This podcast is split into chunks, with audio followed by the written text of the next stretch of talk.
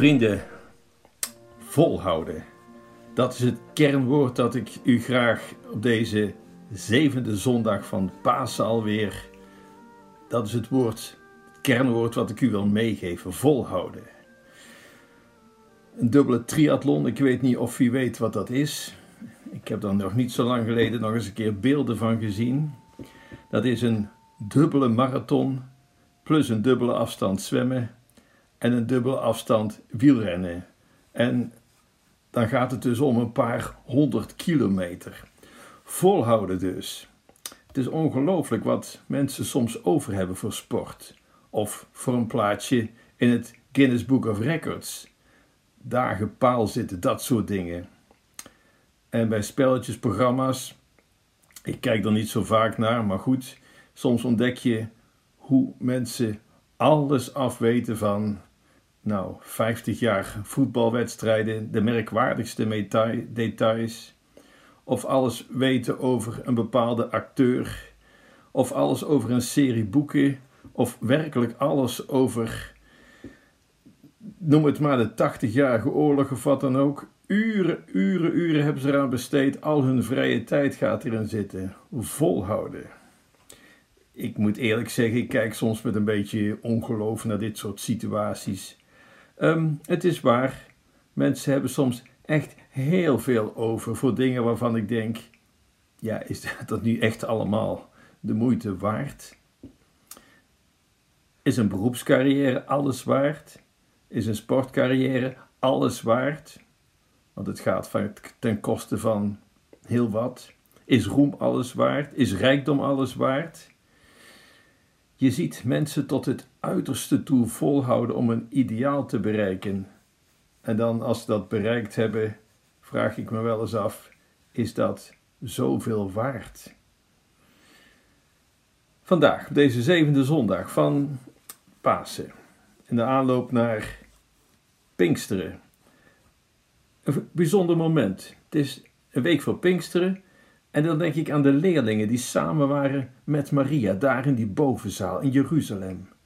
Samen waren ze in gebed, zeven dagen lang. Ik weet niet of u wel eens zeven dagen lang hebt gebeden.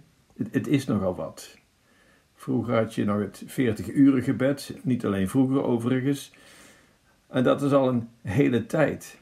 Dat was een gebedstijd die je in afwisseling met elkaar invulde in kloosters kom je het nog altijd tegen.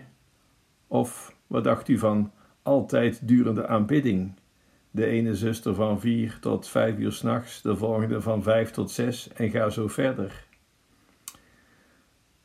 Hoe zouden de leerlingen dat gedaan hebben? Negen dagen lang. Een noveen van hemelvaartsdag tot Pinksteren in gebed. Oké, je kunt twijfelen aan de precieze tijd en hoe nauwkeurig dit verhaal de geschiedenis, de feiten weergeeft, maar de traditie is in ieder geval toch heel belangrijk. Ze bleven allen eensgezind volharden in gebed, samen met Maria, de moeder van Jezus. Wanneer hebt u voor het laatst langer dan een paar minuten gebeden? Misschien deze periode, ik hoop het, in de meimaand, het rozenoetje, een kwartiertje. Of in de heilige mis. Dat is dan toch ook gebed, een uur ongeveer. Maar dan doorgaan, een aantal uur per dag. Twee dagen, vijf dagen, een week. Van nu tot het komende Pinksterfeest. Ik vermoed dat als ik u zou vragen hoe u dat vindt, dat u zou zeggen: Dat vind ik toch wat knap te veel van het goede, dat is niets voor mij. Doe maar gewoon. En toch, en toch, de leerlingen, ze doen het wel. En ze doen het omdat Jezus hen ertoe heeft aangezet. Dus waarom vindt Jezus het bidden zo belangrijk? En waarom vinden wij het vaak, nou ja, minder belangrijk? Misschien hebben we een beetje een beperkte kijk op bidden, op gebed. Voor veel mensen is bidden, ja, kruisje maken, kaarsje opsteken, onze vader, wees gegroet. En dan verder met de dingen van de dag. Is niet verkeerd, maar toch, wat is bidden nu eigenlijk? Nog nauwkeuriger, wat is bidden voor Jezus? Jezus bidt veel, we weten dat, heel veel. En hij zegt tegen zijn leerlingen: dat ze altijd moeten bidden. Wanneer hij uit de groep leerlingen twaalf apostelen gaat kiezen, brengt hij de hele nacht door in gebed. Hij, altijd bij belangrijke momenten. Jezus laat het voorafgaan door langdurig gebed. En als Jezus bidt, dan is hij met hart en hoofd heel dicht bij de Hemelse Vader. We horen Jezus hardop bidden. Ik prijs u, Vader, Heer van hemel en aarde, omdat gij deze dingen verborgen hebt gehouden voor wijzen en verstandigen, maar ze hebt geopenbaard aan de kleine. Jezus bidt veel. Waarom? Het antwoord is vrij eenvoudig. Waar je mee omgaat, daar word je mee besmet. U kent dat gezegde. Dat geldt ten kwade, maar ook ten goede.